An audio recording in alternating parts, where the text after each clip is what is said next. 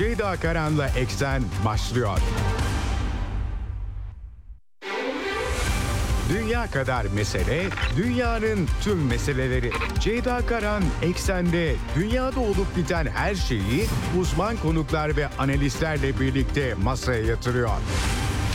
Dünyadaki meseleleri merak edenlerin programı Ceyda Karan'la Eksen hafta içi her gün saat 16'da Radyo Sputnik'te.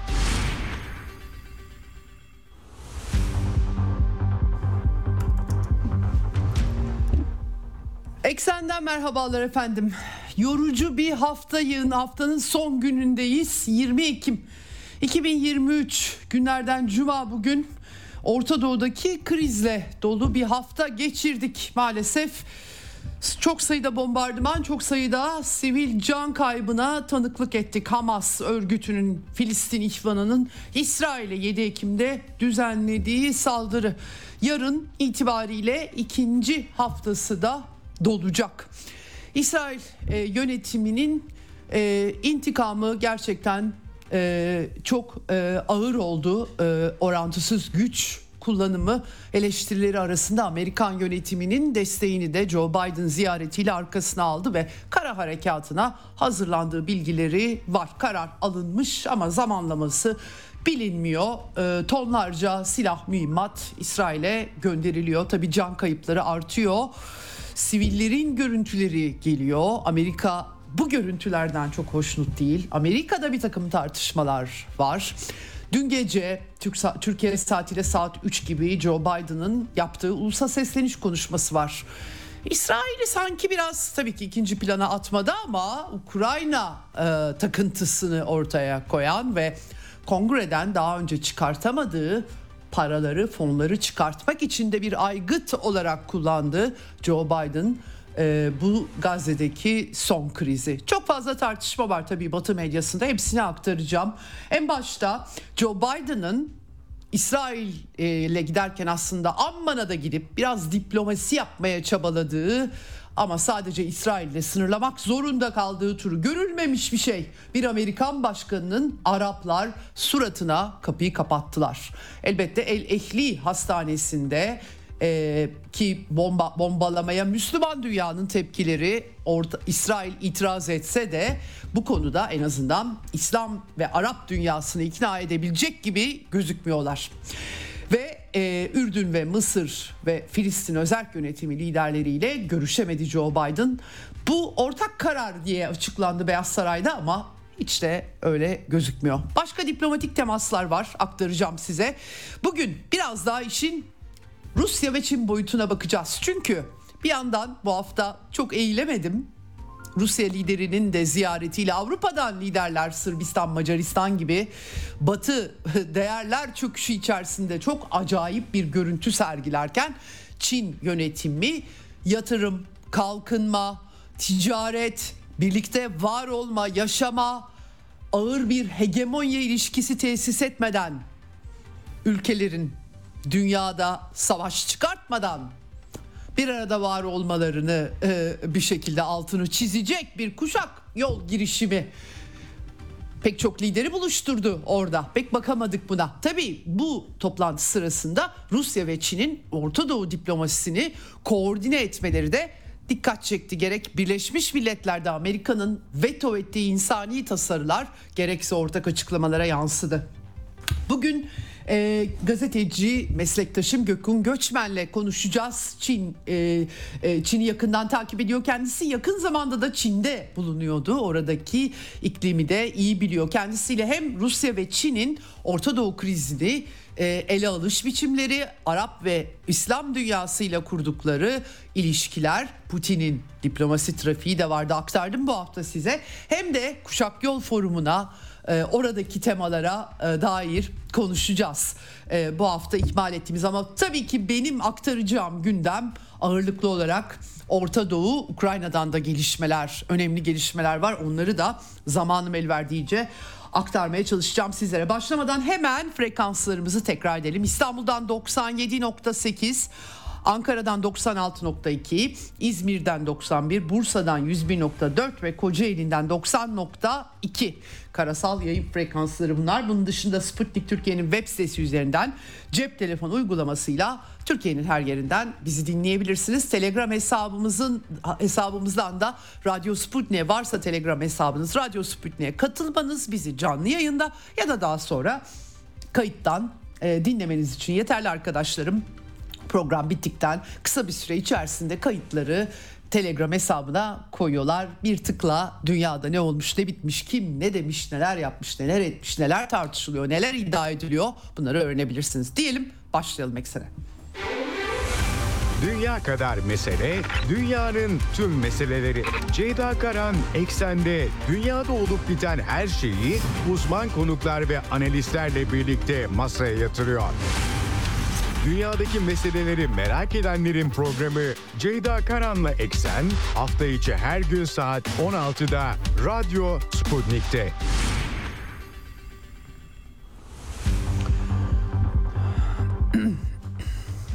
Evet şimdi Hemen başlayalım. İsrail'in kara operasyonu, kara harekatı Gazze şeridine eli kulağında gözüküyor. İsrail'in Rusya Büyükelçisi Alexander Benzivi bu konuda açıklama yapmış.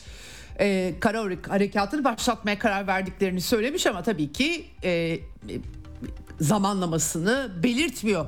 Başka çareleri olmadığı anlaşılıyor söylediklerinden. Tüm terörist yapıların yok edilmesi, e, da, verilen görevlerin yerine getirilmesi, Hamas'ın yok edilmesi için kara harekatı olmadan mümkün değil diyor. Hepimizin beklediği kaçınılmaz harekattan bahsediyor. Biçimine henüz tam olarak karar verildi mi onu tabi bilemiyoruz. Planları bilemiyoruz. İsrail'e Amerika Birleşik Devletleri tonlarca mühimmatı uçaklarla, kargo uçaklarıyla yolluyor.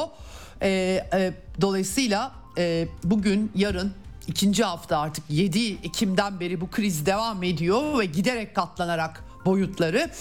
Ee, tabii dün e, tarihi bir kilise e, bombalandı. İki tarafın yine iddiaları var. Tıpkı El Ehli Hastanesi'nde. Yine ben sayıyı kendim oturduğum yerden doğrulayamıyorum. Filistin Sağlık Bakanlığı 471 ölü diye veriyor El Ehli'deki can kaybı sayısını. Ee, 3785 verdikleri sayı Filistin Sağlık Bakanlığı'nın ve 12 binden fazla yaralı. Batı Şeria'da da ayrıca çatışmalar tabii El Ehli olayından sonra e, çıktı. Mahmut Abbas yönetimi de orayı kontrol altına çalış almaya çalışıyor İsrail yönetimiyle birlikte. 74 ölü 1300'ün üzerinde de Batı Şeria tarafında yaralılar var. İsrail tarafında da can kaybı sayısı 1400 olarak veriliyor. 4229 kişinin de yaralandığı bilgisi var. Şimdi tabii e, Amerikan vatandaşları, yabancılar var, rehineler var. Amerika e, Amerikan vatandaşları ölenlerin sayısı 32'ye yükselmiş durumda ama ben Gazze'den bazı Amerikan pasaportlarını gösteren Arap asıllı Amerikan vatandaşlarının haykırışlarını da e, içeren videolarda gördüm e, duruma dair. E, Amerikalılar daha çok böyle e, e, kaç kişi olduğunu da bilmiyoruz diyorlar. Onları çıkartmanın bir yolunu arıyorlar mı? Belki özel baskınlar tabii e, yerlerini öğrenmek için yapılıyor. Kuvvetle muhtemel. E, böyle gelişmeler var. Dün yüzden fazla İsrail ordusu e, İsrail savunma güçleri yüzden fazla ateş yapıldığı açıldığını Hamas hedeflerinin yeraltı tünelleri biliniyor Gazze'de silah depoları onlarca komuta merkezinin vurulduğunu söyledi. Cebaliye'de bir cami dahil Hamas'ın daha önce işte cami yakınlarından roketleri fırlatmalarından vesaire hareketle buraları e, vuruluyor. E, burayı mülteci kampının görüntüleri var drone'la Telegram kanallarında gerçekten e, enkaza dönüşmüş durumda. E, hayatını kaybedenler var tabi ama e, Ayman Nofal isimli Hamas üst düzey komutanlarından birisinin de öldürüldüğü, imha edildiği açıklanıyor.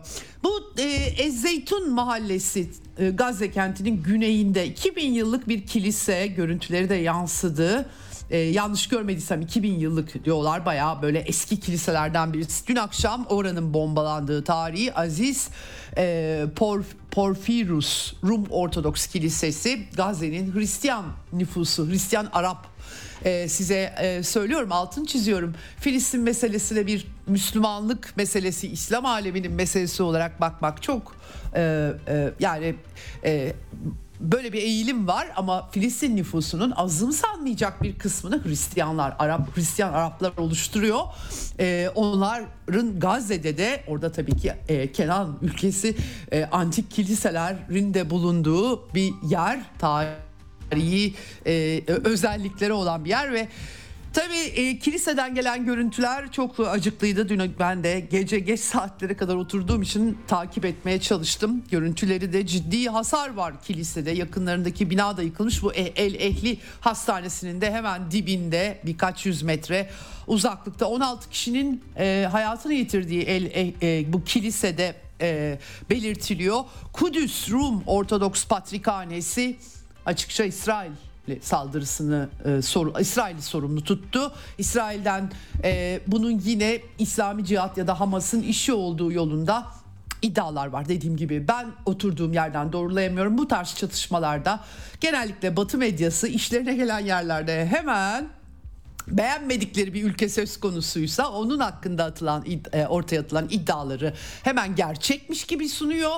Yalanlamalarını görmezden geliyor. Sonradan yalan çıkınca konu etmiyor. Ukrayna çatışması çok gördük böyle şeyleri. En son New York Times'ın araştırması Ukrayna'nın e, bir e, yerleşim bina bina kompleksine düşen e, saldırısı e, füzesiyle ilgili Rusya'nın suçlandığı oysa bunun doğru olmadığını bizzat kendileri ortaya koymak zorunda kalmıştı. Bunun gibi onlarca tabii ki örnek var. Dolayısıyla yani deneyimlerden hareket ederek e, e, size bu şekilde aktarmayı tercih ediyorum. E, yanlış bir şey aktarmak istemiyorum. Çünkü oturduğum yerden bunu yapamam.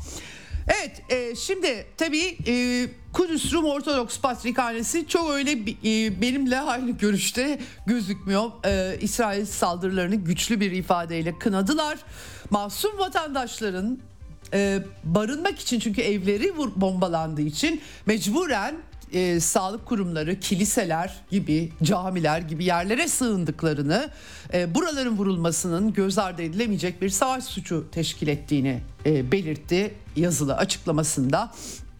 E, ihtiyaç sahibi insanlara yardım, destek, barınma sağlama şeklindeki dini ve ahlaki vecibeleri yerine getirmeye devam etmekte kararlı olduklarını da e, söylediler. İsrail boşaltılması talebinde bulunuyormuş. Bu da belirtiliyor bunun içerisinde. Baskılara rağmen Patrikhane'nin dini ve ahlaki görevini sürdüreceği vurgulanıyor. Böyle bir e, çerçeve var. Dediğim gibi İsrail'de biz yapmadık. Hamaslar yaptı e, ya da işte Filistinli örgütler yaptı diyorlar. E, bir de tabii televizyonlar orada e, e, çalışan e, gerek İsrail tarafında gerek Gazze'de kısmen e, görüntüler iletiliyor ve dünyaya aktarıyorlar tabii ki. Ben de daha önce sahada çalıştığım için biliyorum. El Cezire televizyonunun İsrail şubesini İsrail'in e, güvenliğine zarar verdiği gerekçesiyle kapatıyorlar. Bu El Ehli Hastanesi ile ilgili çok iddia ortaya atıldı. Dediğim gibi bilmiyorum oturduğum yerden sadece e, ortaya atılan bombanın tipi, gücü vesaire benim kanaatim e, ve İsrail anlatısının sürekli değişmesi bu işten sorumlu olduğu yönünde. Ama yine de e, e, bu benim subjektif e, sadece resme baktığım zaman söylediğim şeyler tabii ki. E, gidip kanıtların toplanması lazım gerçek soruşturma yapılabilmesi için bağımsız biçimde ama dün akşam e, Amerikan Dışişleri Sözcüsü Matthew Miller bu konuda kendisine sorular sorulduğunda açıkça şöyle bir yanıt verdi. Uygun bulmuyoruz dedi. Efendim yani e, gerçekten e, pek çok insan zaten İslam dünyası, Müslüman dünya e, hatta bu durumda Hristiyan dünyanın bir kısmı da olacak ikna olmakta zorlanıyor. Bu tarz açıklamaların bir nevi konfirmasyon doğrulama olarak alınacağı e, böyle bir e, durumla karşı karşıyayız. Evet tabii yani İsrail artık savaş açtık zaten bunlar insan değil insanımsı o yüzden her yol mübahtır bizatihi kendi açıklamaları yetkililerin açıklamaları ben söylemiyorum e, Hamas eşittir bütün Gazze halkı e, sorumlu diyen bir İsrail Cumhurbaşkanı varken başka türlü yorum yapmak çok mümkün olamıyor. Efendim Joe Biden dün akşam gece saat 3'te çıktı. E, öncesinde de dönüm noktalarından falan bahsettiği için eyvah dedik yani ortada bir savaş falan mı çıkacak? Pek öyle bir izlenimim yoktu benim açıkçası. E, birazdan detaylarını aktaracağım gibi ama ulusa sesleniş konuşmasında Joe Biden asıl derdinin Amerikan Kongresi'nden 100 milyar dolarlık 60 milyar doları Ukrayna'ya 40 milyar doları hiç azımsanacak bir rakam değil tabii ki çok büyük yüklü bir miktar İsrail'e olmak üzere kongreden fırsattan istifade öyle diyeyim size bir çatışma fırsatından istifa çünkü kongreden 24 milyar dolar talebi kabul görmemişti. Kongre sallandı, cumhuriyetçi liderlik görevden alındı, düşürüldü. Yerine yenisini seçemiyorlar. Joe Biden düşük bütçe krizi çıkıyor derken Orta Doğu krizi Joe Biden'ın ellerini ovuşturmasına yol açtı. İsrail'e destek konusunda kongrenin cumhuriyetçi vekilleri farklı davranamayacağı için 100 milyar dolarlık bir e, e, para savaşlara, çatışmaların devam ettirilmesine, ateşkes ve diplomasi girişimleri yerine mis gibi Amerikan savunma sanayine hepsi geri dönecek bir gündem çıktı. Onun dışında ha bu arada Joe Biden bunun için akıllı bir yatırım dedi. Yani gerçekten insan de, ben izlerken dehşete kapıldım. Ee, yani dinleri, imanları para demek ki başka izahı yok. Yani böyle formülasyonlar çok acayip. Bunun acaba nasıl anlaşılacağını, acaba kendi vatandaşları da böyle şeylere zaten alışık bu şekilde düşünüyorlar diye mi? Onu bilmiyorum ama Batı dünyasının dışındaki dünyada farklı algılanıyor. Çok net söyleyebiliriz bunu. Ve e, çok şunu da belirtmek lazım. İsrail'in 7 Ekim'de uğradığı saldırı sonrası dünyada topladığı sempati bizatihi bombalama eylemleriyle birlikte Amerika Birleşik Devletleri'nin de tutumuyla tersine dönüyor. Bu şahs benim subjektif izlenimim. Evet e, akıllı bir yatırım. Nesiller boyunca Amerikan güvenliğini yani Orta Doğu'da Doğu Avrupa'da açılan savaşlar Amerika'nın güvenliğine hizmet edecek efendim. Mant- mantalite bu şekilde. E, tabii burada da durmadı. Hamas örgütü yani Amerika Birleşik Devletleri'nin yıllardır yatırım yaptığı İslam, siyasal İslamcılık, ılımlı İslamcılık buradan demokrasi yaratacağız diye İsrail'le birlikte yatırım yaptığı Hamas ile Rusya Federasyonu'nu aynı kefeye koydu. Hamas ve Putin ne alaka? Yani hiçbir uluslararası ilişkiler e, şeyi gözetmeden bir e, cowboy gibi başka türlü izah edemiyorum. E, farklı te- tehdit teşkil ediyorlar ama ortak noktaları var. Demokratik komşularını yok etmek istiyor. Banderacı ideolojiyi benimsediklerine açıkça dile getiren e, Yahudi katliamları, Slovakların katli, katledilmesi, Doğu Avrupa'yı hallaç pamuğu gibi atan e, Hitler nazizmine işbirlikçilik yapmış Stepan Bandera'nın doğum gününü resmi olarak kutlayıp pullara bastıran adamlar demokratik komşular oluyor. 2014'teki darbeleri filan saymıyorum. Neyse Joe Biden ve Amerika bu şekilde en azından liderlik neyse ki bütün Amerikalılar böyle değil. Ee, Ukrayna'ya asker göndermeyeceğini ama e, tek isteği Rus güçleri çıkartmak vesaire. Valla Donbass'taki güçler hiç öyle şeyler istemiyorlar. Ben biliyorum gittim gördüm. Ya, yanlış söylüyor, yalan söylüyor Joe Biden. Allah'tan Beyaz Saray bile kendisini yalanlayabiliyor. E, dünyayı ikna etmekte e, zorlanan Amerikalıları ne kadar ikna edeceğini 2024 seçimlerinde göreceğiz tabii ki. Şimdi e, Amerika'nın depolarından gidiyor. Depoların yeni silahlara ihtiyacı var. Gayet yani kendi kendine konuşuyor zaten. Ee, ulusal güvenlik işte İsrail kongreye acil bütçe talebi yani ulusal güven, e, bu ulusal sesleniş konuşmasını para ve kongre siyaset için yaptığını net bir biçimde ortaya koymuş. Onun dışında bir de tabii ki Amerikan başkanı ve insanları o kadar düşünüyor ki Filistin halkında çok düşünüyor. Hatta iki devletli çözüme de çok bağlı. Parmağını bile kıpırdatmadı. Umurunda bile olmadı ama olsun. Ee, böyle biraz timsah gözyaşlarıyla. Ee, faciaya dönüşen sadece İsrail'le sınırlı kalıp Arap liderlerin görüşmeyi reddettiği turunu da sanki İsrail'i e, yardım insani yardımların refah kapısından girmesine ikna etmiş gibi ben yaptım diye sundu. Hala son baktığımda 15-20 dakika önce açılmadığı refah kapısının görülüyordu. Arap liderlerden sonra acaba İsrail hükümeti de bu kapıyı açtırmayıp çünkü o kapıdan dışarıya Filistinlilerin çıkmasını istiyorlar. Çok açık ki rahat kara harekatı yapılabilsin. E, açılmazsa bir de karizmayı Arap liderlerden sonra İsrail yönetimi çizmiş olacak.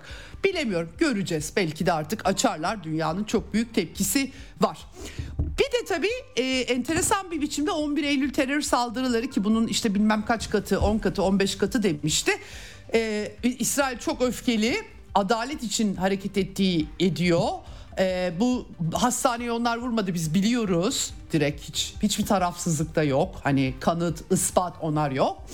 Hatalar yaptık biz 11 Eylül'de. İsrail hükümetinin öfkenin gözlerini bürümemesi gerektiği konusunda uyardım. Niye uyarıyor? Bürümüş mü? Ben bu sonucu çıkartıyorum. Çok abarttın. Biraz daha yavaşla. Bak idare edemiyoruz dünyayı. Tamam. Büyük bir saldırı ama o kadar abarttınız ki işler kontrolden çıkıyor diyor. Aslında bizatihi tersinden kendi ifade ediyor.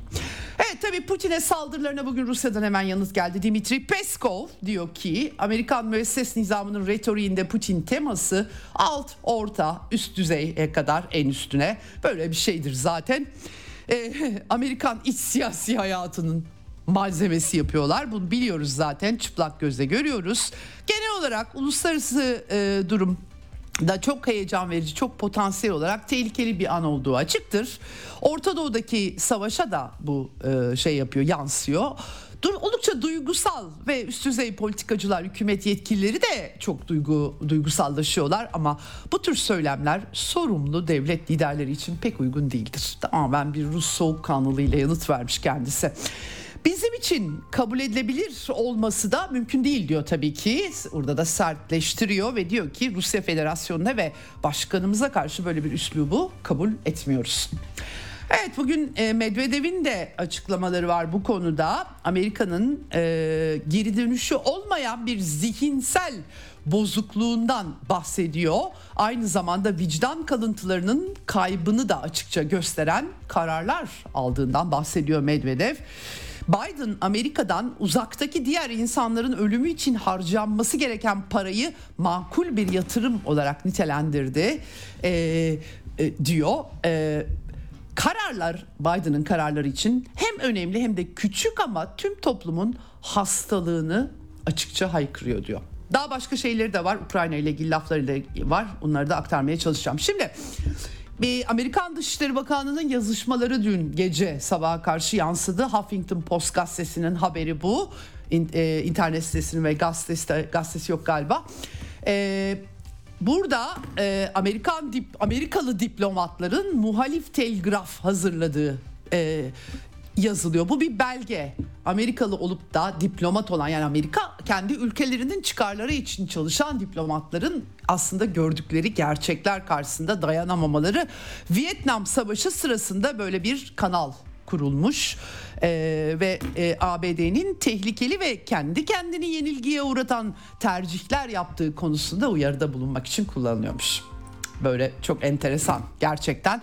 E, kimi Amerikalı hesaplar, kulisler e, içeride çok büyük çalkantı olduğunu söylüyorlar ama e, tabii ki göreceğiz. Velhasıl 100 milyar dolar, 60 milyar doları Ukrayna'ya, 40 milyar doları yine Amerikalılar basacaklar parayı. Janet Yellen, Hazine Bakanı zaten açıkça dedi ki biz iki tarafı da destekleriz. Bizim paramız bol. Ona da veririz, buna da veririz. Savaşlarda sürer dedi. Ama e, tabii e, bu konuda da çeşitli tartışmalar var.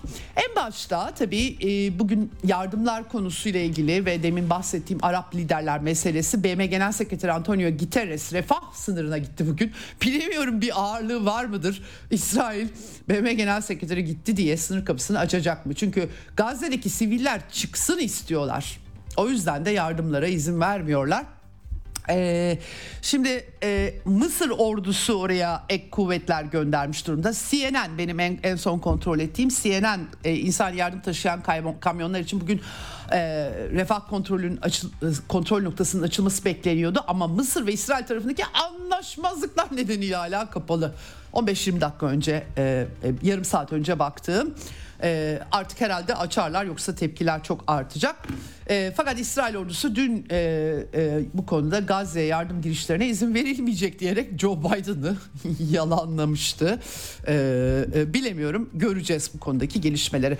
Orta Doğu turu bir facia tabi Arapları Arapları e, kesinlikle ikna edemedi Joe Biden. Zaten diplomasi yapmıyor Amerikan yönetimi sadece askeri dişlerini ve kaslarını gösteriyor ama bir yandan da konuşmaları çok da savaşa girmek istemediklerine işaret ediyor. E, bugün Ürdün e, Dışişleri Bakanı e, Annalena Baerbock'u Almanya Almanya'nın sanki bir etkisi varmış gibi Olaf Scholz hiçbir işe yaramadı bölge turu. E, Dışişleri Bakanı da yollamış Ürdün'e. Maalesef Gazze'de işler sakinleşecek gibi gözükmüyor. Bu da bizi daha fazla çalışmaya sevk ediyor diyor Ürdün Dışişleri Bakanı Eymen El Safedi. Ee, savaşın derhal durdurulması, yardım ulaştırılması önceliğimiz diyor. Ortak değerler uluslararası hukuka atıf yapıyor. Filistinliler güvenliğe kavuşamadıkça İsrailler de kavuşamaz diyerek çizgilerini ifade etmiş. Tabi bu arada e, İsrail'in de güvenliğini e, garanti eden bir barıştan bahsediyor. Direniş cephesine de mesajı var.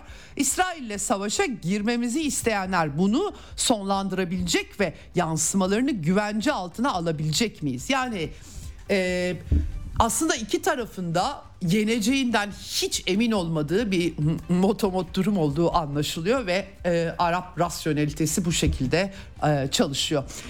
Bayerbach'un aktarmaya değer görmüyorum. 50 milyon euroluk bir yardım, insani yardım, bla bla bla e, pek de bir şey dememiş zaten.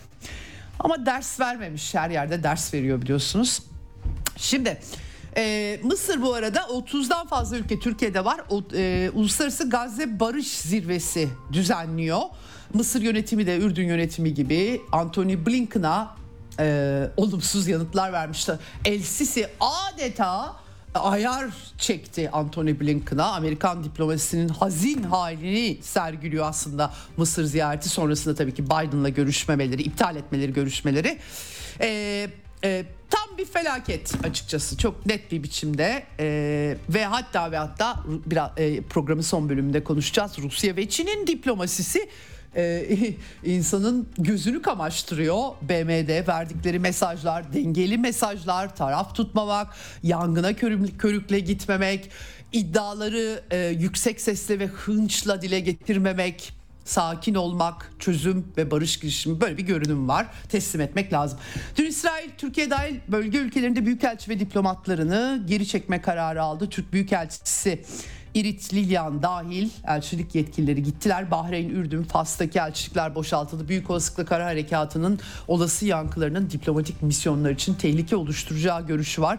Vatandaşları da çağırmışlardı. Moody's bu arada Fitch'in ardından Uluslararası Kredi Derecelendirme Kuruluşu A1 olan e, diğeri de A artıydı. E, kredi notunu düşüş için incelemeye almış Moody's tabii ki çatışma ve belirsizlikle alakalı. Amerika'nın zırhlı araçları, kargo uçakları iniyor. İsrail'e büyük ölçekli bir yığınak söz konusu. Ee, Ukrayna için rezerve edilen mermilerin gönderilmesi tabii kara harekatında sadece e, demir kubbe değil başka mermilere ihtiyaç olacak. O yüzden zaten para istiyor. Kalmadı. Bu arada mermi de kalmadı. Üretim de yetmiyor. Nasıl hani parayı güvenceye aldılar. Üretimi hızlandırmaları gerekiyor. Hızla bir Nazi usulü militerleşme söz konusu olacak demektir. Başka türlü yapamazlar. Efendim e, ben öyle nitelendiriyorum açıkçası bu söylemler e, e, son derece acımasız ve e, dünyanın geri kalanını tedirgin eden e, savaş tamtamları anlamına geldiği için ancak bu kadar e, umarsızca bunlar yapılabilir diye düşünüyorum. Şahsi kanaatim bu şekilde. E, ben dün aktarmıştım size Batı medyası şimdiden Gazze'ye eşi benzeri görülmemiş vahşette operasyonların e, yapılacağı, e, sivil kayıp pahasına bile yapılacağı gibi şeyleri şimdiden veriyor. Bunu da farklı türden bir düşmanla farklı türden bir savaş diye nitelendiriyorlar. Ne demek istiyorlar? Düşman barbar, biz de barbarca savaşacağız demek mi bu? Bilemiyorum. Çok yani gerçekten e, e, kuralsızlık e, kuralsızın sonu iyi bir şey değil. E, sıkıntılı bir durum e, açıkçası. Şimdi ama tabii e, Bloomberg bir takım İsrail yetkililere dayanarak Amerikan yönetiminin bazı şeyler fısıldadığı anlaşılıyor buradan. harekatta bir takım değişikliklere gidilmesinin söz konusu olacağını da yazmış. Çünkü daha uzun sürecek. Belki baskınlarla daha küçük ölçekli, daha az sivil öldürerek tırnak içerisinde ee, ve Hizbullah'ın tabii çatışmaya müdahale olması kaygıları var. Dün Netanyahu sınıra gitmişti askerleri ziyaret etti. Hazırız dedi sosyal medyadan. Askerlerle birlikte aslanlar gibi savaşacak dedi. Kendisi e, gidiyor mu? Gitmiyor herhalde tabii ki kendisi. Git, gitmez tabii ki lider olarak. Oğlu gidiyor mu diye sorulabilir belki.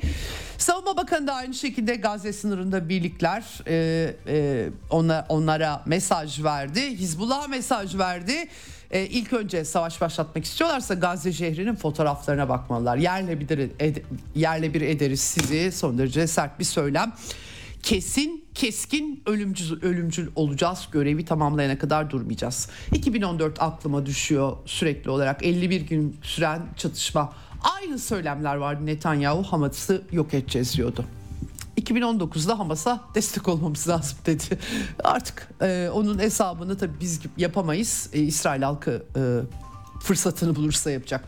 Hamas lider lideri siyasi büro başkanı İsmail Heniye'nin de bölgesel savaş uyarısı var. Vahşi saldırılar Gazze'ye yıkım, kan dökme devam ederse e, bölgesel savaşa dönüşebilir diye. İsrail'in Lübnan sınırında güvenlik önlemlerini arttırdığı bilgileri geliyor. Kirya Shimono kentini boşaltma kararı almışlar. Roketler fırlatılıyor. Peşrev diye dün demiştim karşılıklı. İsrail ordusu da yanıt veriyor. Bu arada Lübnan'da Nebatiye vilayetinde Mercayun ilçesinde El Pula beldesinde 6'sı gazeteci 9 kişi sıkışmış kalmış. Ee, Lübnan resmi ajansı bu kişilerin İsrail ateşi yüzünden çıkamadıklarını söylüyorlar. E, gazeteciler öldürülmüştü. Hatırlayacaksınız aktarmıştım size. Ee, böyle bir çerçeve var. Amerikalılar da bu arada tabii deniz aşırı ülkelerdeki yurttaşlarını uyardılar. Çünkü Amerikan Amerikan tesisleri Orta Doğu'da hedef olacak belki daha büyük çaplı kaygıları var. Yemen'den 3 füze fırlatıldığını Pentagon sözcüsü Patrick Ryder Husi militanlar fırlattılar.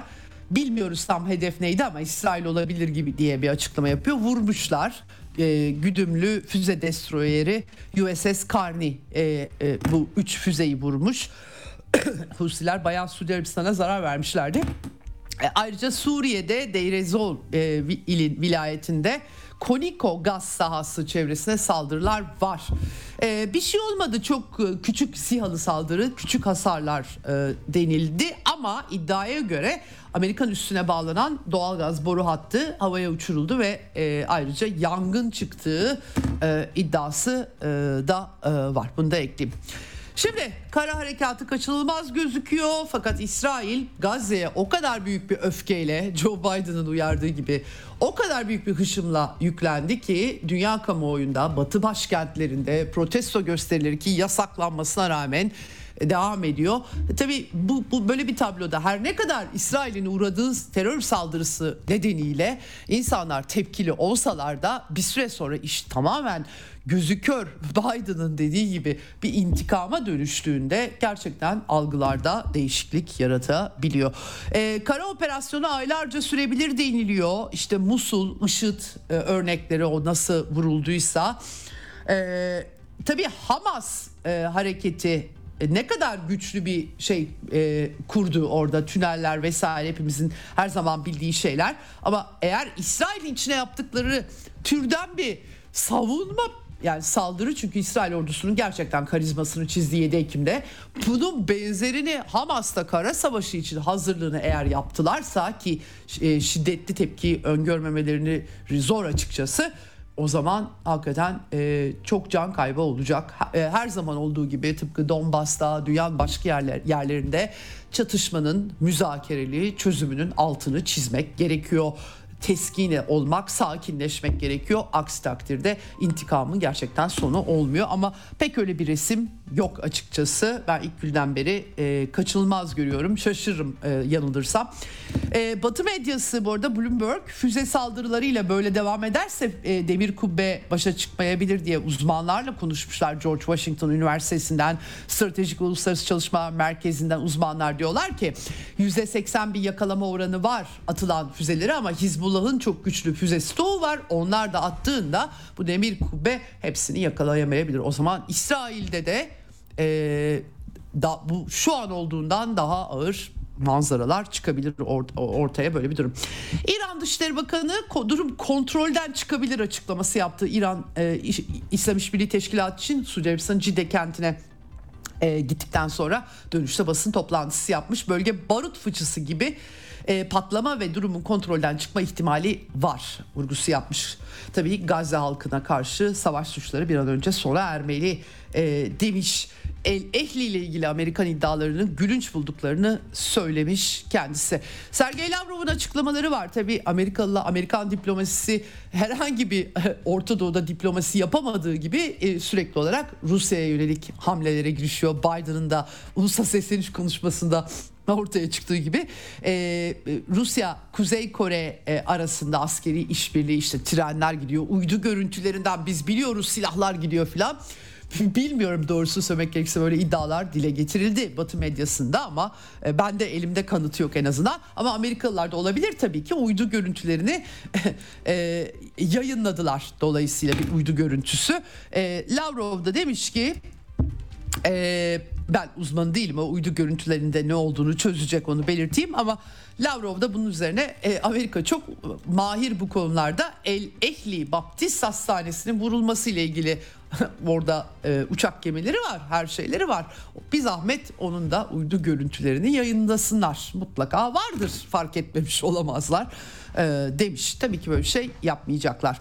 Ee, Rusya parlamentosu Duma'da bu arada bir e, karar, çağrı kabul edildi, bir bildiri kabul edildi. Orta Doğu'da benzeri görülmemiş bir felaketi önlemek, akan kanı ve sivillere yönelik e, tarafsız bir biçimde tırmanan şiddeti durdurmak için derhal önlem alınması çağrısı yapılıyor.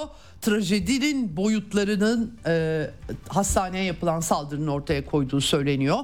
E, binlerce Yahu, dünyada Yahudi karşıtlığını ve İslamofobiyi yani Biden bu konuda da bir takım laflar etti ama politikaları zaten söylemlerinin 180 derece tersi.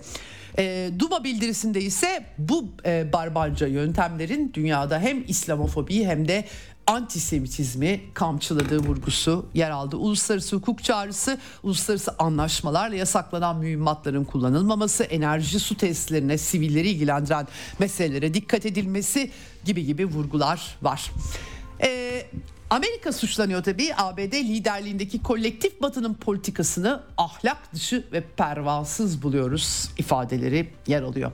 Avrupa parlamentosundaki oturumlarda sadece İrlandalı iki milletvekili Avrupa'yı değerleri için uyaran konuşmalar yaptı. Sıraların çoğu boştu. Kimsenin umurunda değil. Pervasızlık e, gerçekten çok derin e, ve dünyada eğer tabii ki ben bu fikirde değilim uzun yıllardır takip ediyorum ama pek çok insan için Avrupa Birliği, demokrasi, insan hakları, hukuk falan bu değerlerin merkezi olduğunu iddia etti. Bu çatışma tamamen çökertiyor bu iddiayı onun altını çizmem gerekiyor.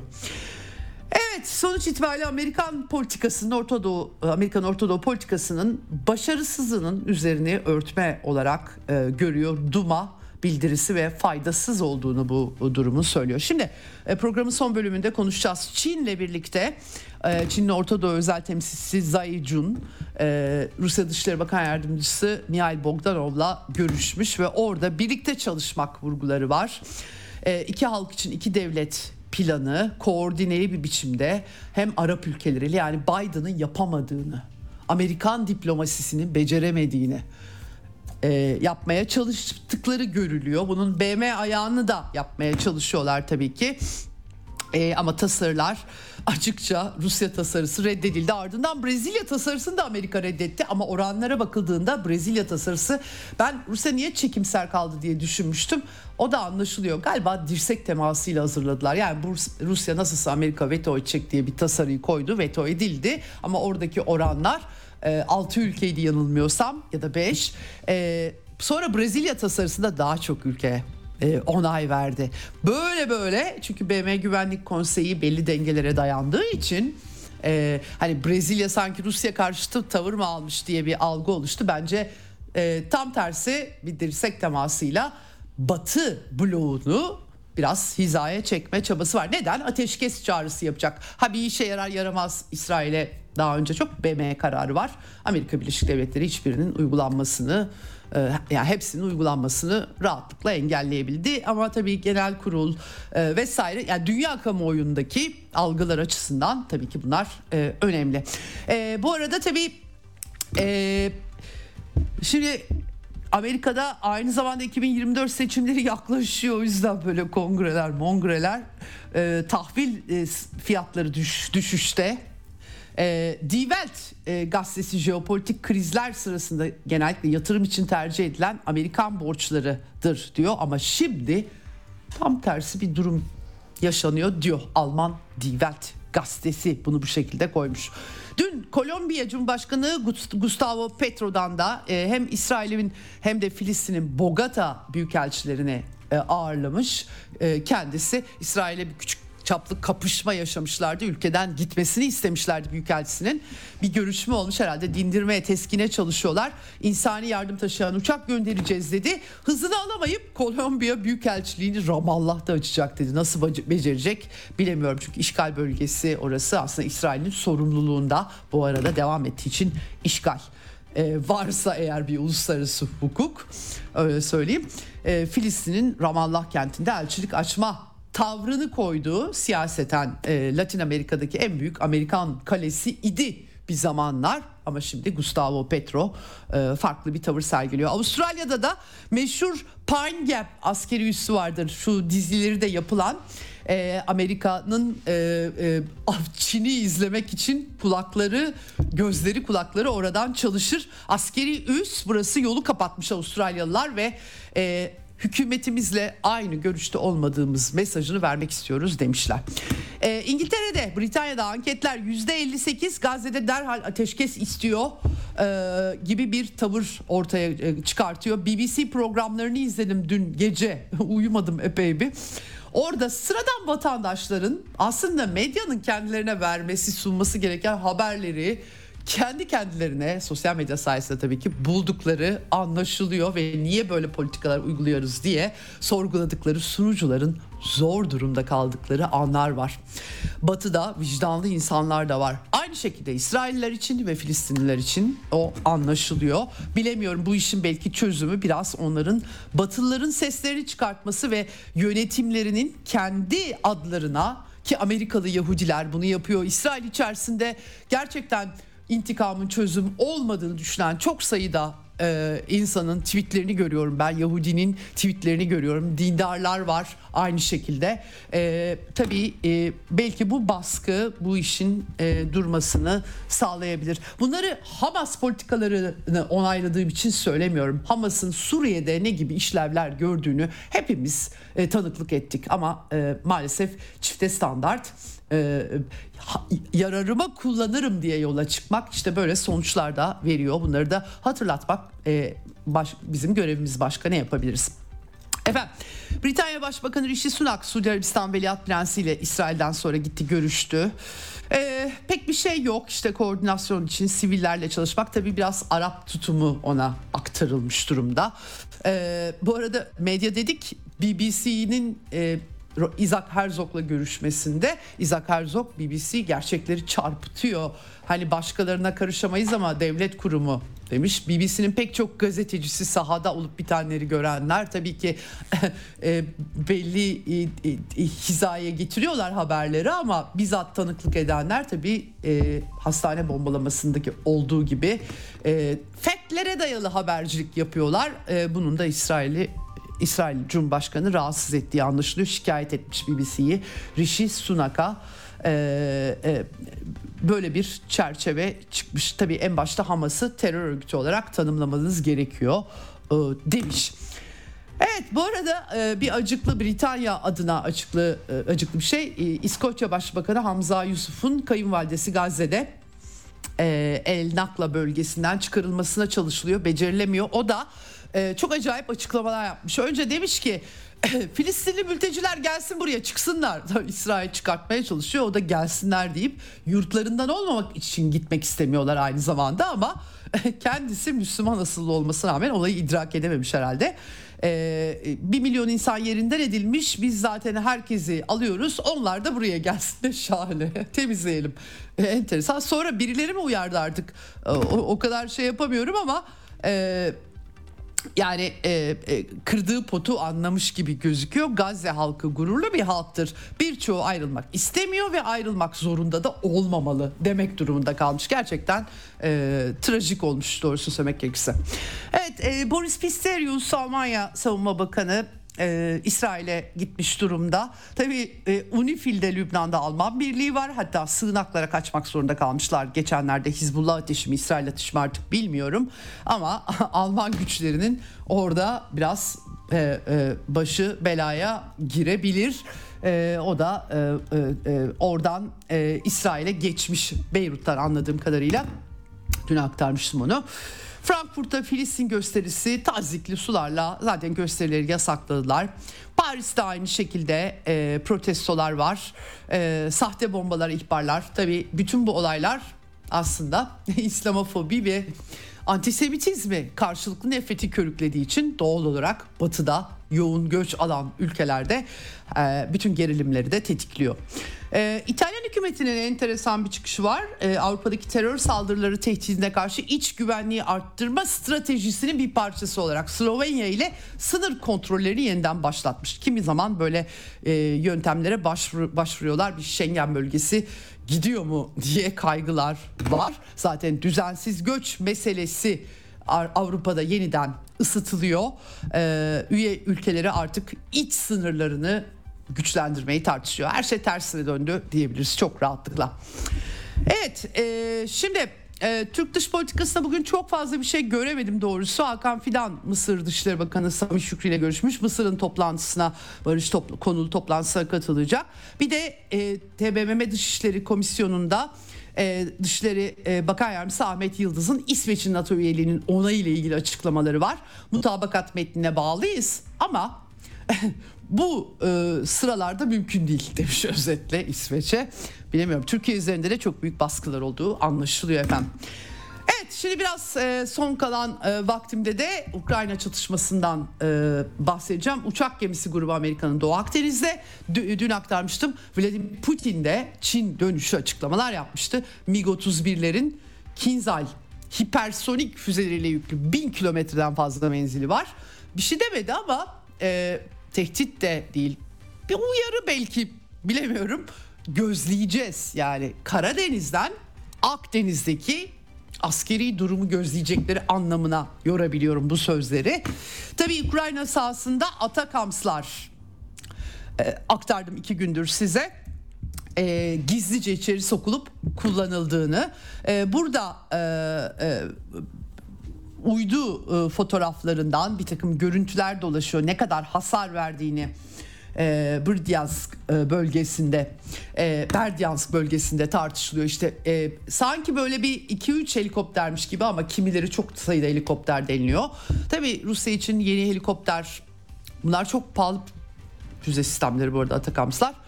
Helikopterleri e, yenileyebilirler. Çok pahalı füzelerle helikopter Ruslar. E, Rusya Federasyonu'nun asla ve asla bu krizde belki fark ediyorsunuzdur.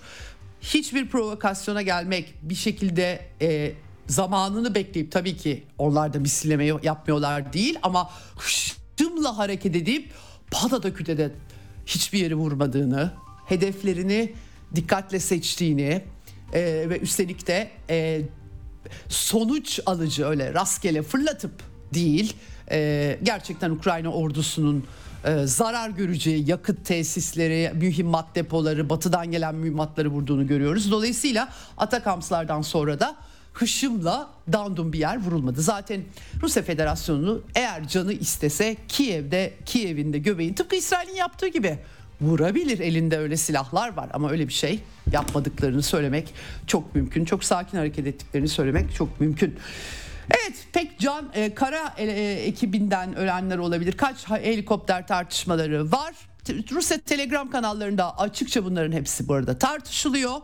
E, tabii ki Rusya Savunma Bakanlığı her zaman olduğu gibi yalan söylemek e, söylemek konusunda çok başarılı değiller onlar. Genellikle söylemek istemedikleri bir şey varsa söylemiyorlar ama kamuoyu her şeyi tartışıyor.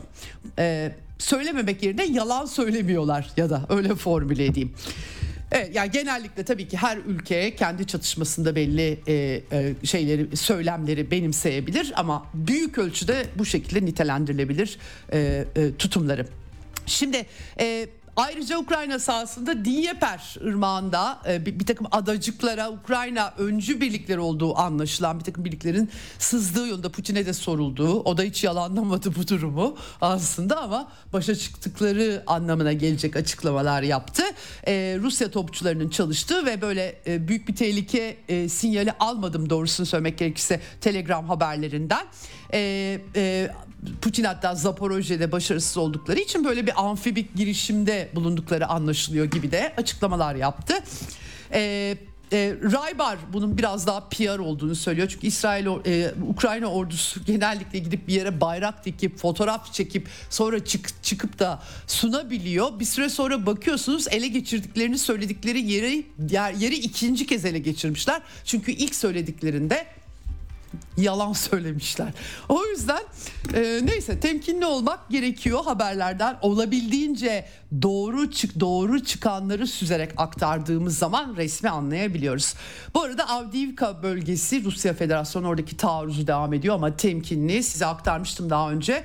Çok iyi tahkim edilmiş. 2014'te Ukrayna ordusu 2014'ten beri yer altında beton bloklarla acayip sığınaklar inşa etti. Donetsk'teki sivilleri oradan vuruyorlardı zaten. En önemli merkezlerden birisi ve Rusya ordusu da e, belki de Gazze'ye kara harekatı gibi e, elde e, e, baltalar elimizde diye saldırmıyorlar. Askeri kayıplar e, vermemeye dikkat edecek şekilde hareket ettiklerini anlıyorum. Askeri stratejistlerin ne yapıldığına dair metinlerini okuduğum zaman. Ama bugün Rusya lideri Vladimir Putin bu arada Rostov-on-Don'da e, bu krizle ilgili karar, karargaha gitti. Ee, bir takım planlar oluyor. Hatta Ukrayna tarafında da General Zaluzhny'nin de Avdiivka'ya gittiği belirtiliyor. Acaba orada bir şeyler mi olacak diye herkes sorular yöneltiyor.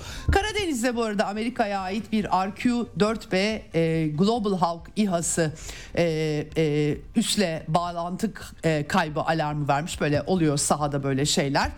E, Abrams tankları gizlice Ukrayna'ya verildi diye haberler gelmişti. Dün aktarmıştım size 31 Abrams'ı Amerikalılar açıklamadan açıklıyorlar çünkü genelde e, Atakamslar gibi gizlice 31 tanesini vermişler. Fakat e, bu konuda Newsweek dergisi M1 tankları ile ilgili değerlendirmelere yer veren bir makale yayınlamış ve e, bu durumun bu, bu tankların Ukrayna'daki durumu önemli ölçüde etkilemek için yeterli olmayacağını söylüyorlar. Ne verseler yetmedi. Şimdi 60 milyar dolar daha kongreden çıkartıyorlar. Bilemiyorum ne gibi sonuçlar e, verecek bu koşullarda. E, yani e, özellikle tabii e, Ukrayna çatışmasının nereye evrileceği herkes tartışıyor ve en büyük gözlem şu işte e, down dun girip almadı Rusya. Benim gözlemleyebildiğim kadarıyla zaten öyle bir strateji gütmüyorlar. Daha çok demilitarizasyon yani Ukrayna ordusunun e, Nazizmle de bağlantılı görüyor. E, Rusya'da banderacı e, olduklarını kendileri de söylüyorlar ve denazifikasyon dediğimiz yani onu eritmek savaş alanında sürekli olarak kaynaklarını onlara verilen e, füzeleri eritmek e, bu arada kendi tabii savunma sanayilerinde geliştiriyorlar. Atakamsları yakında tıpkı daha önce verilen füze sistemlerini e, olduğu gibi vurabilecek kapasiteleri de olacağını, deneyim kazandıklarını söylüyor askeri gözlemciler. Dolayısıyla Amerikan politikaları burada ne iş yarıyor diye insan e, doğrusu düşünmeden e, edemiyor. Evet e, Rusya'nın Çin'e doğal gaz sevkiyatı bu arada yüzde 46 oranında artmış. Gazprom Başkanı Alexey Miller'ın 2023 ile ilgili e, Sibirya'nın e, gücü doğal gaz boru hattı üzerinden verdiği rakamlar e, bunlar.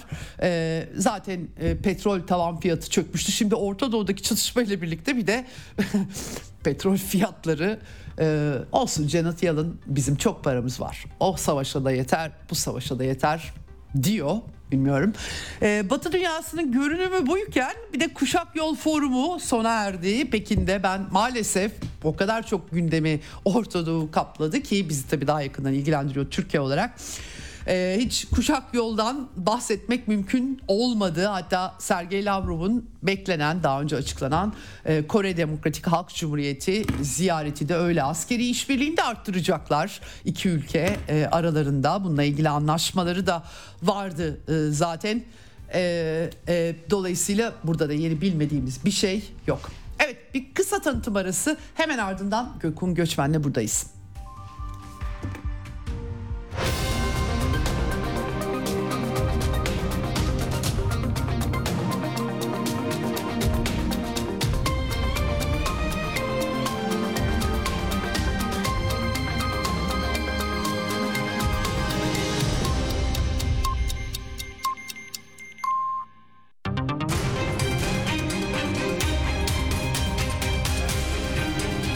Radyo Sputnik. Anlatılmayanları anlatıyoruz.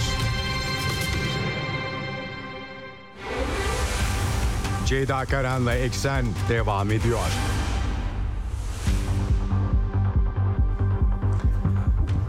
Evet programın son bölümüne geldik. İlk böyle bir saatte size kim ne diyor, neler oluyor, ne iddialar var bunları özetlemeye çalıştım. Dediğim gibi bu hafta, geçtiğimiz haftada böyleydi tabii ki. 7 Ekim'den beri böyle gündemimizi Orta Doğu, İsrail-Filistin çatışması belirliyor.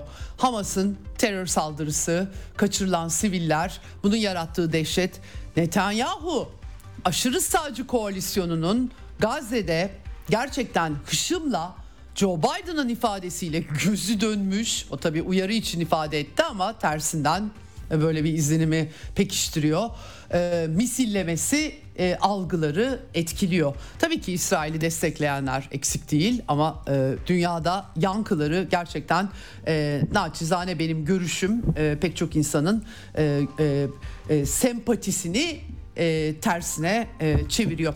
Gündem e, bu e, e, Amerikan diplomasisi ve Orta Doğu'daki durumunu aktarmaya çalıştım size gündemin bu ayağını. Bir de tabii ki Rusya ve Çin ayağı var. Rusya lideri Netanyahu dahil Orta Doğu'daki bütün liderlerle yani Joe Biden'ın çok e, yapamadığını diyelim ya da yapsa da sonuç elde edemediğini kısmen yaptığı aktarmıştım size e, Dışişleri Bakanlığı, Rusya Dışişleri Bakanlığı çalışıyor. Çin Dışişleri Bakanlığı sürekli Arap ülkeleri, Müslüman ülkeleriyle temasta ve son olarak da Rusya ve Çin'in Orta Doğu'daki yangını söndürmek için diplomatik olarak e, işbirliğini koordine etmeleri haberi düştü. Şimdi e, telefon hattımızın diğer ucunda e, e, meslektaşım Gökhan Göçmen var. Çok yakın zamanda da Çin'deydi kendisi. Yeni e, döndü sayılır değil mi Gökhan? Hoş geldin yayınımıza. Hoş bulduk. E, keyifle dinledim. E, evet. E, Çin'deydik. E, belirli bir süre önce geldik. Birkaç hafta evet. oldu. Evet. E, gözlemlerde bulunduk e, ve evet. malumunuz işte İsrail e, Filistin meselesine dair de görüşler evet. elde etme şansımız oldu oldu. Evet yani çatışmanın da tam e, göbeğine dönmüş olduğunu açıkçası evet, bir şekilde evet, oradan evet. mutlaka anlatacağın benim de çok merak ettiğim bir konu Çin'de e, gelişme, kalkınma, insanların düşünceleri. Çünkü hepimiz işte orayı kapalı bir kutu olarak algılıyoruz. Sanki orada insanlar yaşamıyor, robotlar yaşıyormuş gibi böyle bir e, dünyanın fabrikası e, yaşamıyorlar onlar filan gibi algılarımız var. Bilmiyoruz aslında kültürel olarak da tabii ki e, evet. e, bir e, e, farklılıklar var. E, dolayısıyla aslında seninle de böyle bir program ayrıca inşallah yapmakta çok isterim. Güzel, e, din, dinleyicilerimizin e, e, fikir edinmelerine belki katkı yapabilir. Farklı fikirler, görüşler dinlemelerine. Fakat tabii gündemimiz sıcak. Orta Doğu. E, mecburen bakıyoruz çünkü e, çok kritik bir durum. E, Hamas'ın saldırısı ardından İsrail'in e, maalesef en çok da sivilleri yani Hamas'ı e, vurduklarını ve yok etmeye çalıştıklarının altın çiziyorlar sürekli olarak. Fakat ortaya çıkan manzaralar çok ağır e, sivil kayıplar. Bunun hatta Amerika'yı bile rahatsız etmiş olmalı ki Joe Biden'ın açıklamalarından İsrail'i biraz dizginleme e, okunuyor. E, Rusya ve Çin ise biraz daha farklı bir tablo çiziyorlar. Nedir e, senin gördüğün e, e, e, Rusya ve Çin diplomasi? Biraz küresel güney, güneyin de hafiften yükselişini tartıştığımız bir dönemde böylesi bir kriz karşısında verilen sınav sence nelere işaret ediyor? Evet. Ee, biraz önce senin de belirttiğin üzere belki de yani hiç olmadığı kadar bu krizde Çin'in tutumu fazla konuşulur hale geldi. E, eskiden Hı-hı. bu kadar konuşulmazdı Orta Doğu'daki krizlerde Rusya, Irak, evet. İran. E, bu meselelerde çok fazla Çin'in ne düşündüğü e, aslında Türk televizyonlarında böyle altta KJ'lerde alt yazılarda çok geçmezdi. Ama artık bu kez çok sık e, Çin'den gelen açıklamaları televizyonlarda da görmeye başlıyoruz. Bunun birkaç tane sebebi var. E, en başında da tabii e, Çin'in yükselen gücü burada önemli. E, bu e, aslında 7 Ekim'den itibaren Hamas'ın düzenlediği Aksa Tufanı e, operasyonu, taarruzu, saldırısı artık e, ne derseniz e, deyin bundan sonra bir kırılma anı yaşandı. E, ve e, Amerika Birleşik Devletleri ile İsrail ve onunla birlikte hareket eden bazı batılı devletler uluslararası anlamda bir söylem hegemonyası kurmaya çalıştılar. E, ve bütün bu meseleyi sanki Filistin meselesi e, tamamen Hamas'ın e, son taarruzuyla ilgiliymiş evet. e, bir resim evet. çizmeye çalıştılar. Ancak Çin'den gelen açıklamalar e, Amerika Birleşik Devletleri ve İsrail'i hayal kırıklığına uğrattı. E, tırnak içerisinde bu hayal kırıklığı e, ibaresi tanımlaması doğrudan hem Amerika Birleşik Devletleri'ne hem de İsrail'e ait. Çünkü iki ülkenin de Dışişleri Bakanlıkları doğrudan bu tanımlamayı kullandı. Peki Çin ne dedi? Çin e, bu meselenin ilk başından itibaren e, elbette sivillerin hayatını kaybetmesini e, kınadığını, bundan derin bir üzüntü duyduğunu ama bugün gelinen hı. noktanın Filistin halkının yarım asırdan daha fazla bir süredir uğradığı tarihsel haksızlık olduğunu söyledi. Evet. Ve aslında evet. meseleyi bu sorunu Hamas parantezine sıkıştırmayan, meseleyi tarihsel boyutlarıyla ele alan Çin'in yaklaşımı e, hem Washington'da hem e, Tel Aviv'de e, kendilerinin deyimiyle hayal kırıklığı yarattı. Ancak tabii Çin'i yakından takip edenler için bu yeni bir gelişme değil. Aslında Çin Halk Cumhuriyeti evet kurulduğu andan itibaren Filistin e, davasıyla aslında yakın bir ilişki içerisinde oldu. Mao'dan tutun da bugüne değin aslında e, Çin'de yöneticiler, Beijing'de akademisyenler, uzmanlar Filistin e, halkının tarihsel bir e, haksızlığa uğradığı konusunda hem fikirdiler. Filistin halkına da sempatiyle yaklaştılar. Öyle ki işte e, Çin'in ilk dönemlerini kurulduğu e, yıllardan e, itibaren e, o zaman e, Filistin'e destek gösterileri de yapıldı. Unutmayalım aslında Filistin e, Çin'in İsrail'i tanıması 90'lı yılların başında gerçekleşti. Ama tabii e, reform ve dışa açılma politikasının ardından Çin e, dünyadaki bütün ülkelerle e, eşit mesafede ve e, hepsiyle bir şekilde ilişki geliştirmeye çalıştı. Ancak tabii diplomasideki evet. bu ilkesel tutum bir tavır değişikliğine neden olmadı. Örneğin geçtiğimiz sene Xi Jinping Arap ülkeleri tarafından ağırlanmış Suudi Arabistan'da bir Arap zirvesine katılmıştı. O evet. ki Filistin meselesi ticaretin meselesi değildir. Yarım yüzyıldır bir tarihsel haksızlığa uğruyor bu halklar. E, meşru ulusal hakları iade edilmeli demişti. Dolayısıyla biz bugün Çin'in tavrını yine benzer şekilde gördük. Wang Yi gerçekten e, çok önemli açıklamalara imza attı. Ee, örneğin beni de e, kişisel olarak da e, böyle e, merak meraklandıran açıklamalardı bunlar. Örneğin son yaptığı açıklamada şunu söyledi Banki. Dedi ki bugün İsrail devleti var ve İsrailliler dünya çapındaki bu insanlar artık diasporada yaşamak zorunda değiller. E, fakat Filistinliler vatanlarına ne zaman dönecek? Bu e, elbette önemli bir cümleydi, önemli bir hatırlatmaydı. Hı hı. Ve e, aslında Çin de dünyanın geri kalanıyla ve özellikle Türkiye ile birlikte e, 1967 sınırlarını esas alan iki devletli ve başkenti e, Kudüs olan bir çözümün yanında durduğunu söyledi. E tabi sadece söylem düzeyinde kalmadı Çin'in hamleleri. Çin'i bu anlamda da yakından takip etmekte fayda var. E, geçtiğimiz pazar günü 3 önemli görüşme gerçekleştirdi e, Çin Dışişleri Bakanı Wang Yi. Aynı zamanda ÇKP'nin Merkez Komite e, Dış İlişkiler Ofisi'nin de direktörüdür. Yani e, Çin'in en önemli aktörleri evet. arasında yer alır Wang Yi. E, önce Suudi Arabistan'la görüştü. Daha sonra İran'la görüştü. Daha sonra Türkiye ile görüştü. E, bu üç ülke oldukça önemli e, çünkü oyun kurucu olarak biliniyorlar ki Hakan Fidan da zaten e, bu hafta Ankara'da gazetecilerle buluştu ve orada Çin'den bahsetti özellikle. Dedi ki Hakan Fidan Çin'in Orta Doğu'daki meselelere aktif ilgi duyduğunu görüyoruz ve e, Filistin meselesinde de biz Çin'le büyük oranda örtüşmekteyiz dedi. Çin yani uluslararası büyük bir güç olarak dünyanın en büyük güçlerinden bir tanesi olarak bir e, batıdan gelen bu söylem e, hegemonyasını kırdı bambaşka bir yere taşıdı. Hı. Meselenin köküne indi.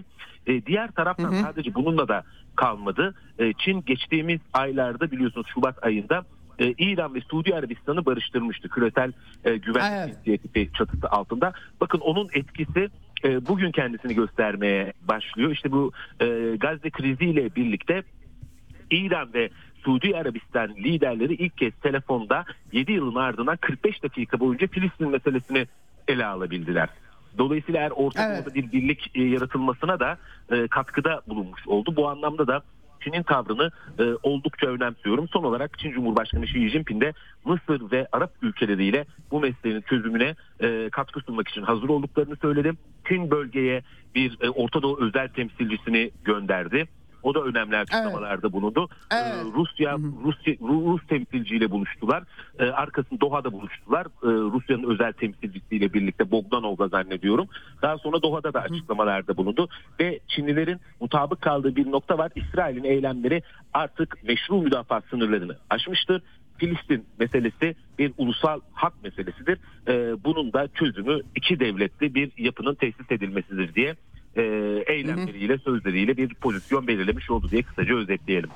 Evet enteresandır ki e, Rusya'nın da ki koordine ettiklerini de açıkça dile getiriyorlar. Çinliler de aynı şekilde Çin yetkilileri de e, bu e, çerçeveyi bütün Arap ülkeleri de paylaşıyor gözüküyor. Hepsinin açıklamalarında çünkü aynı şey var. Gerçekten hani ta, e, belki şu an için Amerika kaslarını gösterdiği için benim dediğim olacak dediği için diplomasi değil ama e, evet. ama e, ona rağmen e, bu söylemleri çok da fazla e, değiştiremiyor, istediğini yaptıramıyor ama karşı tarafta Rusya ve Çin'in özel olarak altını çizdiği bu tarihsel perspektif ve çerçeveyi tabii ki çözüm isteniyorsa eğer istenmiyorsa savaş isteniyor demektir. Kimse bir şey yapamaz. Ee, e, e, ilginç bir tablo. E, BM'ye de yansıyan bir tablo bu. Bunu da herhalde evet. e, vurgulayabiliriz. Bu arada için şunu da söyleyelim. Aslında Hı. bu meseleye e, öteden beri çeşitli çözüm yol haritaları sunuyor. Hatta işte yine e, 2006 Hı. yılında Beijing'de görüşmeler yapılmasını, Pekin'de görüşmeler yapılmasını önermişti. Daha bu yılın başında e, Mahmut Abbas Çin'i ziyaret etmişti. Yine kaderin evet. demeyelim onu. Daha sonra Mahmut Abbas Türkiye'ye gelmişti. Netanyahu o günlerde Çin'i ziyaret etmeye planlıyordu. Abbas'ın hemen ardından Edecekti. Evet. ziyaret edemedi. Evet. Ama yani evet. Çin aslında bu küresel güvenlik inisiyatifi çatısı altında da e, Suudi Arabistan İran barışının ardından aslında bu Filistin meselesi için kolları sıvamıştı. Ama tabii e, sizler de programlarda konuşuyorsunuz. Evet. Amerika Birleşik Devletleri deyim yerindeyse e, yangına benzinle gidiyor, e, körükle gidiyor. Evet. Evet, ee, önemli bir hatırlatma yaptın gerçekten. Netanyahu'nun git plan gitmeyi planladığını ben de eksende aktarmıştım ama o bir türlü gerçekleşmedi. Çin'in e, buradan hemen Xi Jinping'in kitabını paylaşmıştı. O da ilginç bir evet. yani. Evet, evet, evet. İlginçti. İlişkiler, ekonomik ilişkilerin de güçlenmesi söz konusuydu ama tabii ki Amerika e, kimseye İsrail'i kaptırabilecek ya. gibi gözükmüyor. Yine de e, gelinen nokta. Eder, onu anlıyoruz. evet e, tabii şimdi buradan hemen e, e, Çin-Rusya ilişkileri Putin'in e, Pekin'de ağırlanması ve Kuşak Yol Forumu'na geçmek istiyorum. Başka ekleyeceğin yoksa. E, Çin'in tabii e, bu tarz konulardaki tarihsel perspektif e, e, fi ortaya koyan tutumunu Rusya Federasyonu'nda da paylaşıyor. Hatta Ukrayna krizi ve özel harekat ilk çıktığında e, Rusya e, Çin Dışişleri Bakanlığı'nın açıklamasında e, görünüşteki resmin altını izah eden Donbas meselesini daha tarihsel bir perspektifle bakılması gerektiğini belirten açıklamaları da vardı. Burada da aynı tutarlı pozisyonun devam ettiğini görüyoruz. Batılılar çok e, sevmiyorlar. Onlar biraz daha yüzeysel. Hangisini e, hangisini iyi cici buluyorlarsa pek tarihselliklerden hoşlanmıyorlar. Ha, tabii bu durum Kanada parlamentosunda Nazilerin Galicia tümeninin alkışlanmasına kadar varabilen bir cehalet evet. yaratıyor tabii ki ama evet. neyse şimdi biz konumuza dönelim. Ee, şimdi e, kuşak ve yol Putin e, beklendiği gibi e, Xi Jinping'le görüştü, ağırlandı. Kuşak Yol Forumu tabii Avrupa'dan da gidenler oldu. Çerçevesi geniş. Üçüncü galiba. Evet. Ben tabii, tabii fazla bir şey aktaramadım. Hatta Hı-hı. bakamadım da çünkü gündem tamam. çok yüklüydü. O yüzden evet. bize hem biraz bu Kuşak Yol e, Forumu'nu özetlersen hem de biraz Çin ve Rusya arasındaki e, özel ilişkilerin ve bu ziyaretin Putin'in ziyaretinin önemini aktarırsan çok sevinirim. Hı. Tabii memnuniyetle. Ee, şimdi değerli Karan e, burada aslında ilk başta şunu söylemek lazım. E, bir tarafta savaş koalisyonları İsrail'e gidip savaş tamtamları çalanlar e, Amerika Birleşik Devletleri, İngiltere, Almanya e, sürekli e, silahlardan, savaşlardan bahsedilirken dünyanın diğer tarafında Asya'da e, 130'dan fazla ülke 30'dan fazla uluslararası kuruluş nasıl birlikte daha fazla bağlantısallık teşkil edebiliriz? Altyapıya yatırım yaparız. Nasıl daha fazla e, gelir elde ederiz? Refaha, istikrara kavuşuruz diye bir toplantı düzenlediler. Kuşak ve Yol Forumu'ndan bahsediyorum. Üçüncü kez düzenleniyor bu e, toplantı yüksek kaliteli kuşak ve yol işbirliği ortak kalkınma ve refah için birlikte sloganıyla yola çıktı. Aslında e, böyle dünyada karpuz gibi ikiye ayrılan bir örnek var. E, bir tarafta ülkeler nasıl işbirliği yaparız, nasıl istikrar barış peşinde oluruz. E, diğer tarafta ise e, nasıl savaşırız, ateşin üstüne benzin dökeriz diye bir e, tartışma var. E, bu toplantı önemli çünkü Kuşak ve Yol'un 10. yılındayız. 2013 yılında e, Çin lideri Xi Jinping Kazakistan'da duyurmuştu kuşak ve yolu. E, artık dedi ki Xi Jinping baharda biz tohumları ekeriz sonbaharda ise hasat zamanıdır dedi. Yani artık hmm. kuşak ve yolun olgunlaştığının altını çizdi. E, toplantıda neler söyledi istersen kısaca onları bir özetleyeyim. Bu e, lütfen, devletler lütfen. liderler neler konuştu.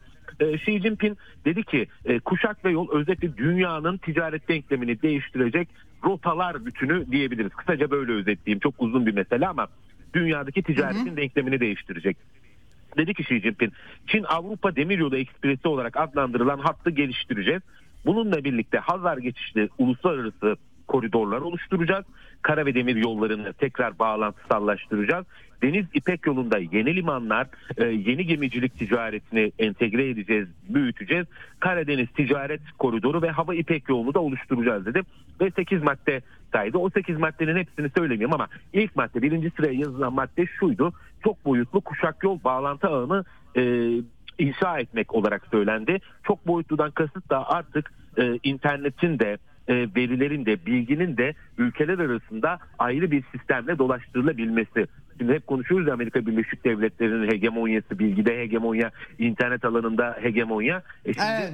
E, bu kuşak ve yola anladığımız kadarıyla artık internette bilgi teknolojileri de eklenecek. E, oldukça önemli buluyorum. Bu 8 maddenin içinde bir de tabii yeşil kalkınmanın teşvik edilmesinde önemli bulduğumu e, söyleyeyim. Şimdi gelelim aslında e, yüksek ihtimalle dinleyicilerimizin de en merak ettiği konu. E, çok fazla lider vardı. İşte Macaristan lideri Orban vardı, Sırbistan lideri Vučić vardı, Afrika'dan liderler vardı, Kazakistan lideri Tokayev oradaydı. Liste uzuyor gidiyor. Bir tek Türkiye'den yüksek düzeyli bir katılım yoktu. Evet, e, oysa, evet. Oysa yıl boyunca orta koridoru güçlendireceğiz. Biz de kuşak yolun parçasıyız diye e, gazetelere manşetler e, verildi. Siyasiler konuşmalar yaptı. E, Çin'de Invest Türkiye diye işte Türkiye yatırım yapın etkinlikleri düzenlendi. Ama böylesine önemli bir toplantıda bakın 130 ülkenin ve 30'dan fazla uluslararası kuruluşun katıldığı toplantıda mutlaka biz de katılmışızdır ama yüksek düzeyli değildik. Orada Putin evet. vardı, Tokayev vardı, Vucic vardı, evet. Orban vardı. E, liste uzuyor gidiyor. E, biz yoktuk ama şimdi en çok merak edilen konu tabii Putin ve Xi'nin verdiği karşılıklı mesajlar. Ee, çünkü... Türkiye'yi bu arada Türkiye'yi soracaktım sana en son oraya bağlayacaktım ama sen söylemiş oldun. Ee, bu konuda Çinlilerin bir e, kulis şeyi var mı Türkiye'nin gitmemesine yani, dair Putin'e e, geçmeden şunu, eğer varsa yani. Evet Ulaştırma Bakanı daha önce yaptığı açıklamada e, Ekim ayında Cumhurbaşkanı Erdoğan'ın Çin'e gidebileceği sinyalini vermişti üst kapalı biçimde. Hmm. Şimdi acaba hmm. bu son hmm. gelişmelerden dolayı mı gitmedi? E, Gazze meselesinden dolayı mı gitmedi? E, bunu bilemiyoruz. Bunu henüz bilemiyoruz. Evet. Ancak evet. benim e, beklentim evet şu anlaşılabilir elbette birçok bakın. E, mesela Birleşik Arap Emirlikleri'nden de devlet düzeyinde katılım yoktu. Mısır'dan daha keza öyle yoktu. Ama bu ülkeler zaten bunu söylediler. Yani burada bir yangın evet. var. Ve dolayısıyla tabii, tabii, tabii, tabii, tabii. Evet, ama bakan tabii, düzeyinde mecbur. neden katılınmadı? Mesela Ulaştırma Bakanımız gidebilirdi. Hazine ve Maliye evet. Bakanı orada temsil edilebilirdi. E çünkü evet. görüyoruz Sayın Şimşek işte FAS'a da gidiyor. IMF toplantılarına da gidiyor. E, Türkiye'ye yatırım yapın dolar çekeceğim diyor ama dünyanın en büyük ikinci ekonomisi dünyanın en büyük uluslararası etkinliklerinden birini düzenlerken kendisini orada göremiyoruz. Bunun da yorumunu evet. ben artık dinleyicilere evet. bırakıyorum. Evet. E, gelelim Peki. Putin ve Xi Jinping'in e, ilişkisine. E, dünyadaki liderler arasındaki en ilginç ilişkilerden bir tanesi. Çünkü iki lider de biraz böyle e, soğuk e, ve sert gözüküyorlar aslında bakıldığı zaman. Ama birbirleriyle evet. özel ilişkileri var. Doğum günlerini mutlaka kutlarlar. E, Tabii, Putin Rusya önemlidir. lideri Rusya'da. Putin e, Çin Cumhurbaşkanı dondurma sevdiğini bilir. Rusya'dan dondurma gönderir. Vesaire evet. böyle birlikte yine uzun bir. Evet. Tabii uzun evet. bir sohbet ettiler çay içerek yine. Ama e, Rusya lideri Putin e, Çin'e gitmeden önce de e, Çin medya grubuna bir röportaj verdi. Orada e, önemli ifadeler kullandı, dikkat çekici ifadeler kullandı. Dedi ki Çin Halk Cumhuriyeti lideri bahsi geçenlere göre o bahsi geçen dediği de onları da şöyle tanımlıyor. Putin geçici işçi statüsündeki liderler. Yani evet, onlar evet. geçer diyor öyle tanımlıyor.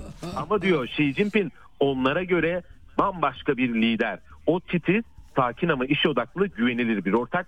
Onunla bir konuda anlaşırsak anlaşmanın her iki tarafta da yerine getirileceğinden eminim diyor. Güvenini e, söyledi e, ve daha sonra evet. şunu söyledi. E, Çin'le ve Rusya arasındaki ilişkiler Batı medyası tarafından e, şeytanlaştırılmaya çalışılıyor. Özellikle ticaret konusundaki asimetriye işaret edilerek aslında Çin'in e, Rusya'yı bir şekilde istismar ettiği ve klasik Batı taktiğidir. Araya kama sokmak. Evet. Bilirsiniz onları. Evet. Evet. Putin dedi ki Putin dedi ki böyle bir şey yok. Çin bizimle ilişki kurarken bugüne kadar hiçbir şeyi empoze etmedi. Yalnızca müşterek fırsatlar sağlıyor Xi Jinping. Bunun da uzlaşma yollarını arıyor ve Xi Jinping'le bunları konuşuyoruz dedi. Ee, çok büyük potansiyellerimiz var dedi. Çin ve Rusya'nın birlikte aslında çok kutuplu bir dünyayı inşa ettiğini, kuşak ve yol hakkında onu söyledi. Çok kutuplu bir dünyanın yaratılmasına hizmet ediyor dedi. Ee, yani öyle ya çünkü kuşak ve yol birden fazla ticaret hattı oluşturuyor. Örneğin eskiden sadece Malakka Boğazı vardı Amerika Birleşik Devletleri'nin denetiminde ee, ve şu anda Çin ona alternatif rotalar oluşturdu. Dolayısıyla Putin de bunun farkında ve diyor ki çok kutuplu dünya kuşak ve yolla inşa ediliyor. Gelelim Xi Jinping'e neler söyledi e, Xi Jinping de kadim dostum diyerek hitap etti Putin'e. E, 42 defa birlikte görüştüklerini söyledi. İyi bir dost evet. olduğunun altını çizdi. E, tarafların özellikle en dikkatimi çeken cümle bu, bu Filistin krizi vesilesiyle de belki de hepimizin dikkatini çekecektir. Biz dedi Moskova yönetimiyle birlikte uluslararası adaleti savunmaya hazırız dedi. Bunu da e, son gelişmeler ışığında e, oldukça e, önemli bulduğumu söyleyebilirim.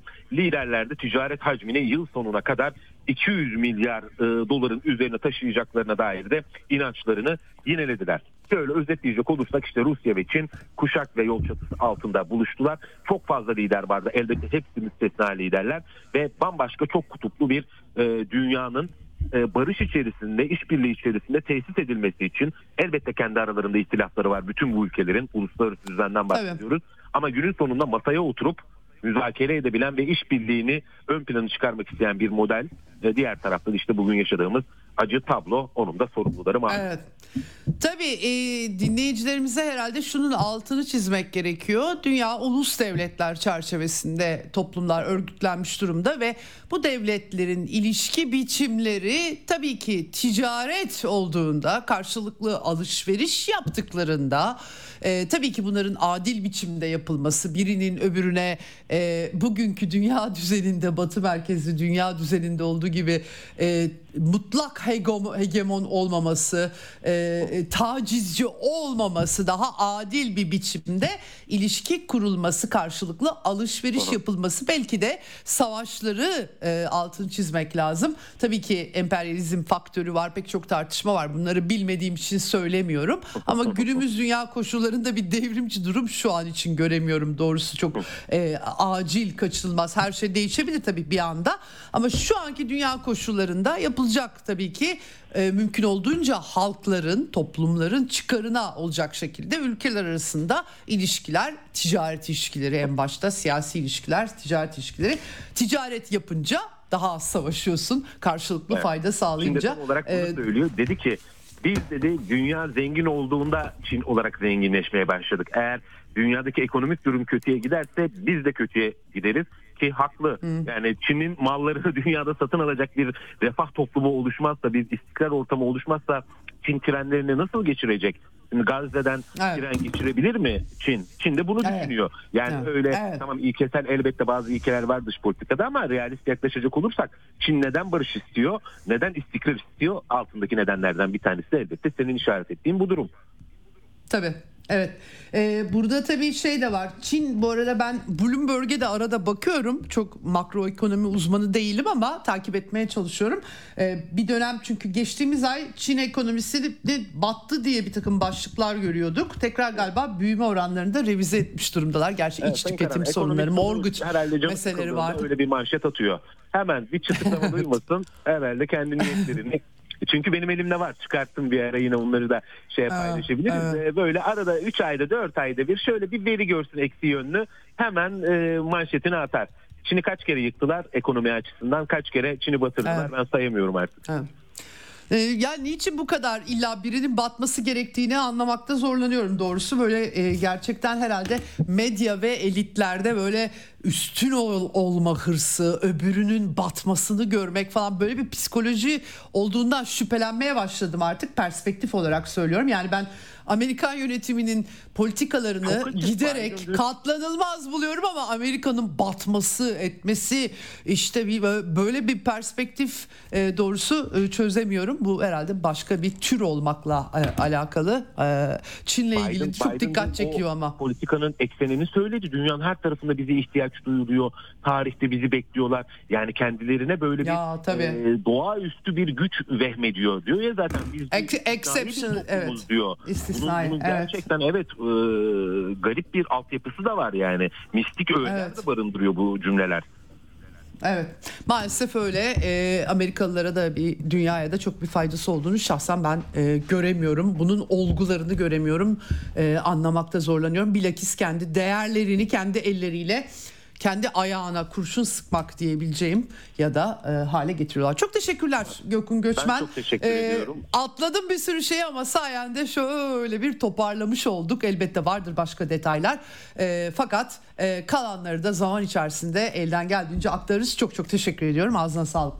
Ben çok teşekkür ederim. İyi yayınlar. Evet Gökhan Göçmen'le konuştuk. Kendisi başta da dediğim gibi Çin'den neredeyse yeni döndü sayılır. Epey uzun bir sürede oradaydı. İzlenimleri var. Bir gün ayrıca böyle bir program yapmak istiyorum. Bize çok bilmediğimiz, hep başkalarından kopyalayıp yapıştırıp okuduğumuz, kültürel olarak da çok sıkı fıkı olmadığımız için e, ön yargılarımızın çok olduğu elbette her toplumun iyisi kötüsü vardır ama e, oradaki e, gerçekten durumu anlatabilecek izlenimleri olduğuna şüphem yok Gökün Göçmen'in bir ara böyle bir özel bir program da kendisiyle yapmayı düşünüyorum.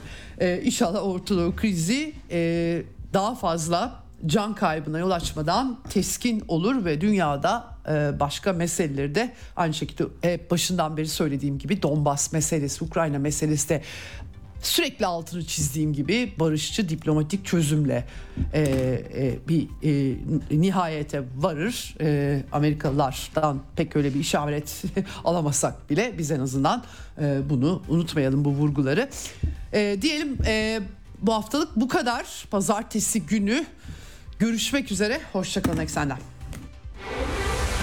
Ceyda Karan'la Eksen sona erdi. Dünya kadar mesele, dünyanın tüm meseleleri. Ceyda Karan Eksen'de dünyada olup biten her şeyi uzman konuklar ve analistlerle birlikte masaya yatırıyor. Dünyadaki meseleleri merak edenlerin programı Ceyda Karan'la Eksen hafta içi her gün saat 16'da Radyo Sputnik'te.